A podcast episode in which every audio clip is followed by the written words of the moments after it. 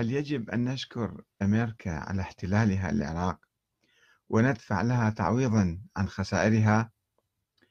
لماذا لا يتفق العراقيون على موقف موحد من الاحتلال الأمريكي ولم يتفقوا؟ لماذا لم يتفقوا ولا يتفقون اليوم على موقف موحد من الاحتلال الأمريكي للعراق؟ مشاكل العراق كثيرة ولكن المشكلة الكبرى في العراق هي الاحتلال الأمريكي الذي دمر العراق وأقام نظاما مسخا باسم الديمقراطية يعني نظام المحاصصة الضعيف الذي لا يستطيع أن آه، يحل أي مشكلة في العراق. وكانت هناك منذ آه، يعني حدوث الاحتلال للعراق الغزو الأمريكي للعراق كانت هناك نظريتان.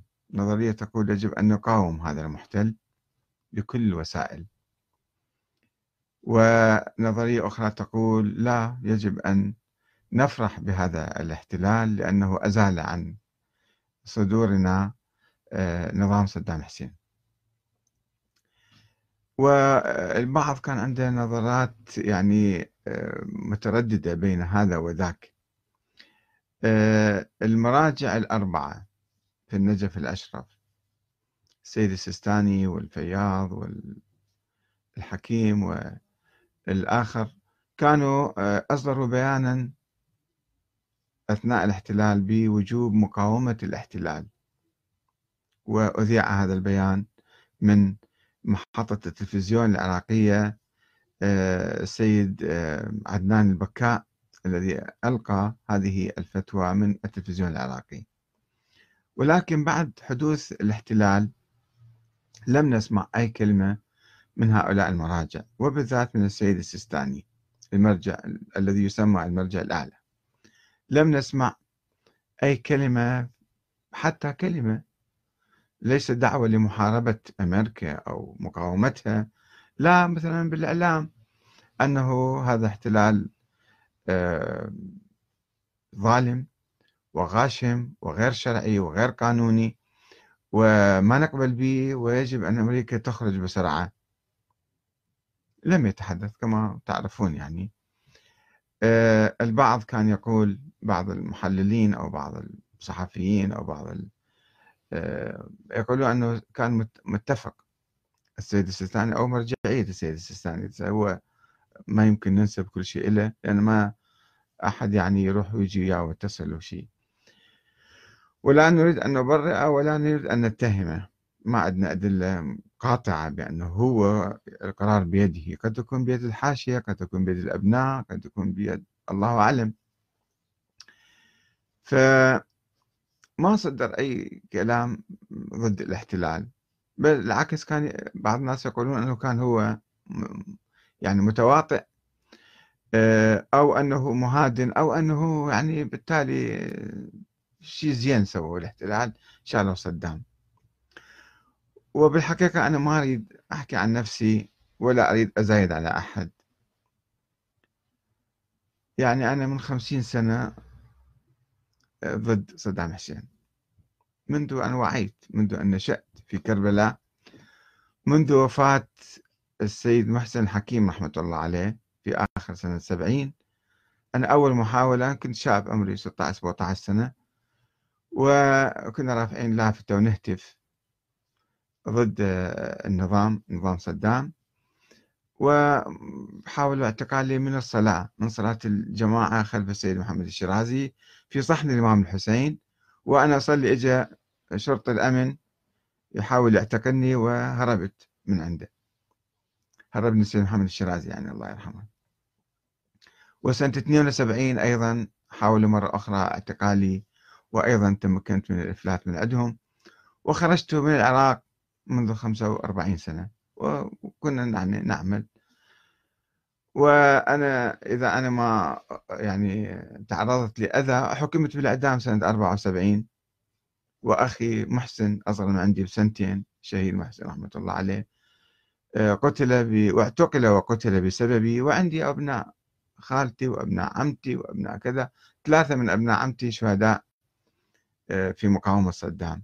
والعائلة تقريبا لا أريد أن أتفاخر بذلك في الحقيقة آه، ولكن أقول أنا كنا ضد صدام. في الوقت اللي كان هناك في النجف في الحوزة ناس يتعاملون مع صدام وساكتين على جرائم صدام.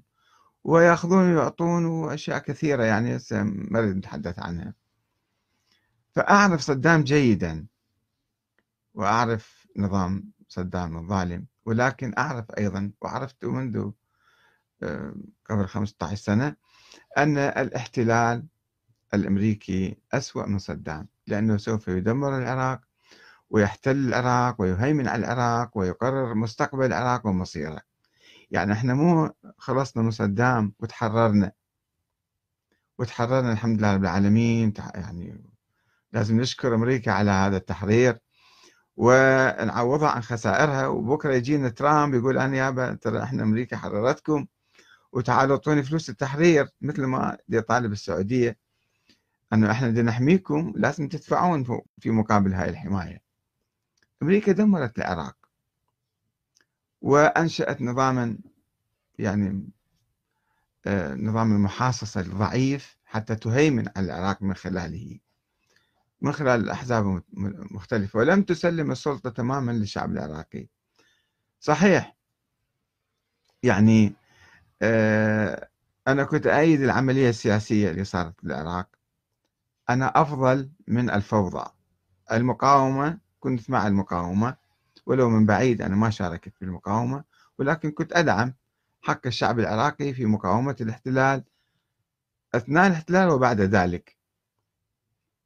بالتلفزيون يعني كنت أحكي وأتكلم مو شيء سري ولا شيء يعني خاص بي. آه، ولكن يعني الاحتلال أسوأ الاحتلال أسوأ من النظام صدام لأنه لا يزال. صحيح. كان في ناس يعني يقولون نحن آه، نقوم بالعملية السياسية حتى آه، لا تحدث الفوضى أو أو حتى السلطة يعني آه، تأتي إلينا مثلا. هذا عقدة عقدة عند بعض الناس ما أدري شلون يفكرون يفكرون طائفيا وما يفكرون وطنيا. أنه بثورة العشرين إحنا قاومنا الإنجليز وبالتالي راحت السلطة من عندنا. والآن إحنا ما نقاوم أمريكا حتى لا تروح السلطة والسلطة تبقى بيدينا. زين ثورة العشرين علمائنا ومراجعنا هم انسحبوا من العمل السياسي. مو فقط السنة إجوا أخذوا السلطة من من عندنا. لا إنه كان في عملية في عملية انسحاب وتحريم للعمل السياسي وتحريم حتى المدارس. إلى وقت قريب إلى خمسينات بالستينات مدرسة حرام مدرسة حكومية والوظائف حرام وبالتالي صارت عملية انسحاب من السياسة. فيردون أنه يتجاوزوا ذيك العقدة ليكون نقع بها مرة ثانية ويسلموا الحكم للسلطة للسنة مرة ثانية. هو ماكو فرق بين سني وشيعي إذا كان وطني أو إذا كان عميل. الوطني وطني سني أو شيعي والمتعامل مع الاحتلال أيضا هو عميل ومخطئ سواء كان سنيا أو شيعيا. وما يفيدنا الحاكم السني العميل ولا شيعي العميل. نحتاج حكم وطني. وحاكم وطني يتحرر من الاحتلال ويقاوم الاحتلال ويكون صوت الشعب في الحقيقة. فالمهم النظام الديمقراطي الذي قام كان ضرورة أيضا لأنه إذا إحنا نقاوم المحتل ونكون أحزاب مسلحة ومنظمات مسلحة راح نتقاتل على السلطة بعدين. فخلي من البداية إحنا نتفق على آه، سلطة معينة ولو يعني في ظل الاحتلال ولو سلطة ولو نقيم نظام مخربط أيضا مو مشكلة. بس خلي نتفق فيما بيناتنا لن نتحارب بعدين. أنا كنت أشوف أنه هذه الخطوة أيضا لا معقولة يعني. معقولة أحسن ما نقع به الفوضى المسلحة والاقتتال المسلح على السلطة والصراع على السلطة بالسلاح. مو بس مو بين السنة والشيعة لا بين حتى الأحزاب الشيعية. لأن كل حزب سوف يكون مسلحا ويحاول أن يصير مثل ما صار في أفغانستان. ولكن إذا إحنا قبلنا بهاي الخطوة اللي قام بها السيد السيستاني دعا للدستور ودعا إلى إقامة نظام ديمقراطي في ظل الاحتلال وقال سوف نتخلص عن كانت استراتيجية هكذا أن سوف نتحرر من الاحتلال بصورة سلمية بصورة يعني سياسية ولا نستخدم السلاح. هذا كان في ناس كانوا يقاومون تيار الصدري وغيره وغيره كانوا يقاومون عسكريا ولكن المرجعية السيد السيستاني كان يؤمن ب آه، يعني إخراج أمريكا مثلا بصورة سلمية. وهذا تم في 2011 آه، أيام آه، نور المالكي. يعني خرج آخر جندي أمريكي من العراق ولكنهم عادوا بعد سنوات عبر داعش أنه داعش أرسلوها العراق. احتلت وجت أمريكا مرة ثانية إحنا نريد نريد يعني نقاوم داعش نقضي على داعش. وسووا تحالف دولي وجابوا قوات الناتو وجابوا قوات أجنبية ودخلوا سووا لهم قواعد وركزوا نفسهم مرة ثانية. ويقولون بصراحة يقولون نحن لن نخرج من العراق حتى بعد داعش إنما نريد أن نحافظ على آه، المنطقة وعلى استقرارها وعلى بعض المناطق وكذا يعني أنه عودة آه، الاحتلال من الشباك خرجوا من الباب وعادوا من الشباك فالاحتلال لا يزال موجود. ويتدخل في العملية السياسية. شفتوه بصورة سافرة يعني آه، السفير الأمريكي والمبعوث مبعوث البيت الأبيض وابو السي آي ابو الخزانة كلهم اجتمعوا أنه نريد واحد من جماعتنا من أتباعنا من أصدقائنا يحكم العراق. عملية سياسية كلها العملية الديمقراطية كلها تصبح هباء منثورا وما بها فائدة إلا هم يخططون وهم يردون اللي يجيبوه يحطوه. ليش؟ لأنه حتى يخدم أهدافهم يخدم مصالحهم وفي المنطقة في عموم المنطقة وليس باتجاه إيران.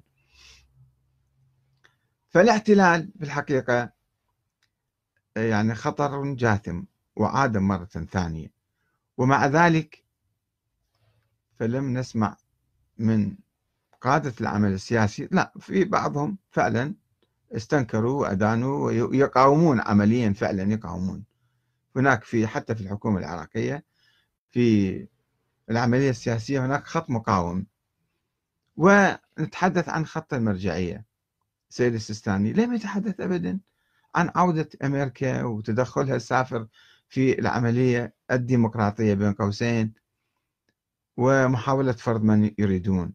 ونحن نحتاج موقف واضح وصريح وقوي من المرجعية لأنها عمليا تمثل سواء آمنا بها أو لم نؤمن وأنا ما أؤمن بالمرجعية صراحة كما تعرفون. أعتقد المرجعية يعني تجربة من التجارب في القرون الماضية وأنا لها أن يعني آه، تفسح المجال لقيام النظام الديمقراطي حتى يأخذ وضعه الطبيعي ف ولكنها مطالبة الآن هي تدعي أنها هي آه، زعيمة الشيعة أو قائدة الشيعة أو المرجع الأعلى للشيعة. هسه مو بس بالعراق بكل العالم أيضا. وهذا غير صحيح. غير صحيح. مو بالمسائل الفتوى مسائل القيادة لا يقود السيد السيستاني. ولا يجيب الناس عندما يرجعون إليه. فالمطلوب يعني موقف واضح من الاحتلال من أول يوم وإلى الآن. ولكن نشوف يعني غير الصمت هناك أيضا فتاوى تطلع عجيبة غريبة أحيانا. يعني موفق الرباعي قبل حوالي شهرين صرح بأنه السيستاني طلب من عنده أن نعامل المحتل كضيف نعامل المحتلين كضيوف. ومرجعية السيستاني أو مكتب السيستاني لم يردوا عليه لم يكذبوه. ما قالوا لا إحنا ما قلنا هالشيء هذا. وهناك بعض الوكلاء كانوا يلتقون بالمسؤولين الامريكيين ويعبرون رسائل يعني هو السيستاني ما استقبل أي مسؤول أمريكي ولكن بعض الوكلاء ومن تحت لتحت كان في علاقات وحوارات. كنت أبحث في موضوع مجهول المالك قبل أيام وإذا أشوف فتوى عجيبة غريبة استوقفتني في الحقيقة وهي آه، آه، تعبر عن موقف السيد السيستاني أو مرجعيته أنا كله أتكلم عن السيستاني أنا لا شايفه شخصيا ولا أدري هو يعرف أو لا يعرف لكن باسمه تتم هذه الأمور. وهذه الفتاوى في موقعه الرسمي. في موضوع مجهول المالك الفتوى رقم 35 واحد يسأل يقول ما هو حكم من استلم رواتب من قوات الاحتلال عن طريق تزوير المستمسكات الشخصية؟ يعني مثلا عمره كان أقل ما أدري شنو يعني جاء مستمسك آخر وقام ياخذ يشتغل ويا الاحتلال وياخذ من عنده فلوس رواتب صار موظف. وكيف يتخلص من هذه الأموال؟ هنا عدة مسائل عدة نقاط في هذه في هذا السؤال وفي هذه الفتوى. الجواب الجواب الغريب العجيب. يقول يجب رده يعني رد المال إلى الجهة الحكومية المأخوذ منها. هو يقول لك من قوات الاحتلال. فيجب رده إلى جهة حكومية يعني أعتبر الاحتلال ويجب أن نرد المال لهم فإن لم يمكن تصدق به على الفقير المتدين. فإن لم يمكن ذلك تصدق بالممكن. فبدل ما يقول له مثلا يعني ما يقول له التعامل مع المحتل هذا حرام أو ما يجوز أو أو كذا. لا أنه المسألة لو كان مثلا وثائق عادية كان مسألة عادية. الإشكال وين؟ الإشكال على تزوير المستمسكات وأخذ فلوس عليها. يعني لعب على المحتل غش المحتل ضحك عليه مثلا وأخذ فلوس من عنده. فهنا لازم ترجع الفلوس للمحتل. يعني كأنك قاعد تعترف بالمحتل أنه هذا جهة شرعية. وما دام حاكم فلازم إحنا نحترمه ونخلص له ونصدق معاه ونتعامل معاه بكلش بأريحية. هاي الجواب هكذا يتضمن. ف وبعدين إذا ما قدر يتصل المحتل طلع وراح فرجع الفلوس إلى وأعطيها للفقراء فالمشكلة وين؟ في خلفية الجواب. خلفية الجواب أنه ما في استنكار ليش أنت تعاملت مع المحتل؟ لا عادي تتعامل مع المحتل. هذا السؤال والجواب. أنا نشرته وهو موجود لا يزال على موقع السيد السيستاني يمكن تراجعوه آه، والمصدر موجود. فهنا صار حوار بين عدد من الأخوة اللي عبروا عن آه، اختلاف في وجهات النظر عند العراقيين بالنسبة للمحتل الأمريكي أنه هذا كان نعمة ولا كان نقمة؟ حررونا ولا احتلونا؟ دمرونا ولا بنوا بلدنا؟ هذه الأسئلة لا تزال مطروحة اليوم وإحنا بدل ما نفكر بحل المشاكل المشاكل الجزئية المشاكل كلها تعود إلى وضع الاحتلال وهيمنة المحتل علينا سواء في علاقتنا مع إيران أو علاقتنا مع سوريا أو علاقتنا مع الفلسطينيين أو علاقتنا مع السعودية أو الخليج أو أي بلد آخر. إحنا الآن رهن الاعتقال ورهن الاحتلال وبالتالي لا يمكن أن نقيم ديمقراطية حقيقية أو نبني حتى بلدنا ونعمره في ظل الاحتلال. الاحتلال لا يريد لنا خيرا بالذات العراق. سيقولون ليش عمروا اليابان وليش عمروا كوريا الجنوبية؟ العراق يراد له أن يدمر. هذه سياسة صهيونية منذ عشرات السنين.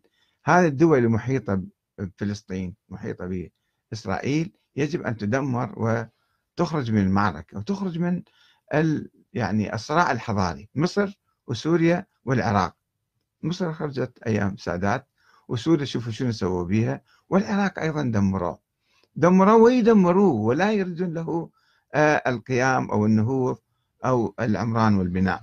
وإحنا قابلين أنه مين خالف؟ خلينا نتعاون مع أمريكا بلكي هي مثلا تبني بلدنا مرة ثانية. هل هذا صحيح أو لا؟ شوفوا الأجوبة وال... أنا أعرض لكم بعض الحوارات. هنا أحد الشيوخ عجيب يعني. الشيخ فاضل قنبر ما أدري يدافع عن السيستاني أو هو. العفو يقول العفو أستاذ أحمد. شنو وجه العجب ممكن توضحه؟ يعني بهاي الفتوى عادية شوفها جدا. شنو بها عجيب؟ حتى أنت تقول هاي الفتوى عجيبة. فقلت له العجب والغرابة في الفتوى تكمن في تحريم الغش والاحتيال على المحتل ووجوب إعادة الأموال المأخوذة منه إليه بالباطل يعني بالتزوير المستمسكات.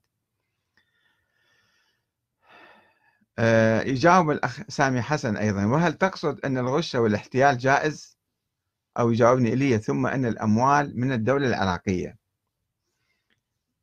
الغش والاحتيال جريمة ولكن بالنسبة للمحتل الاحتلال جريمة أكبر. كما يقولون السارق من السارق كالسارق من أبيه. يعني إذا واحد محتل بلدك كله هسه على أنه تزورت لك مستمسك ولا كذا هذا هاي مشكلة هنا. ولا مشكلة في التعامل مع الاحتلال ووجود الاحتلال اللي أنت لازم تسكت عليه وترضى به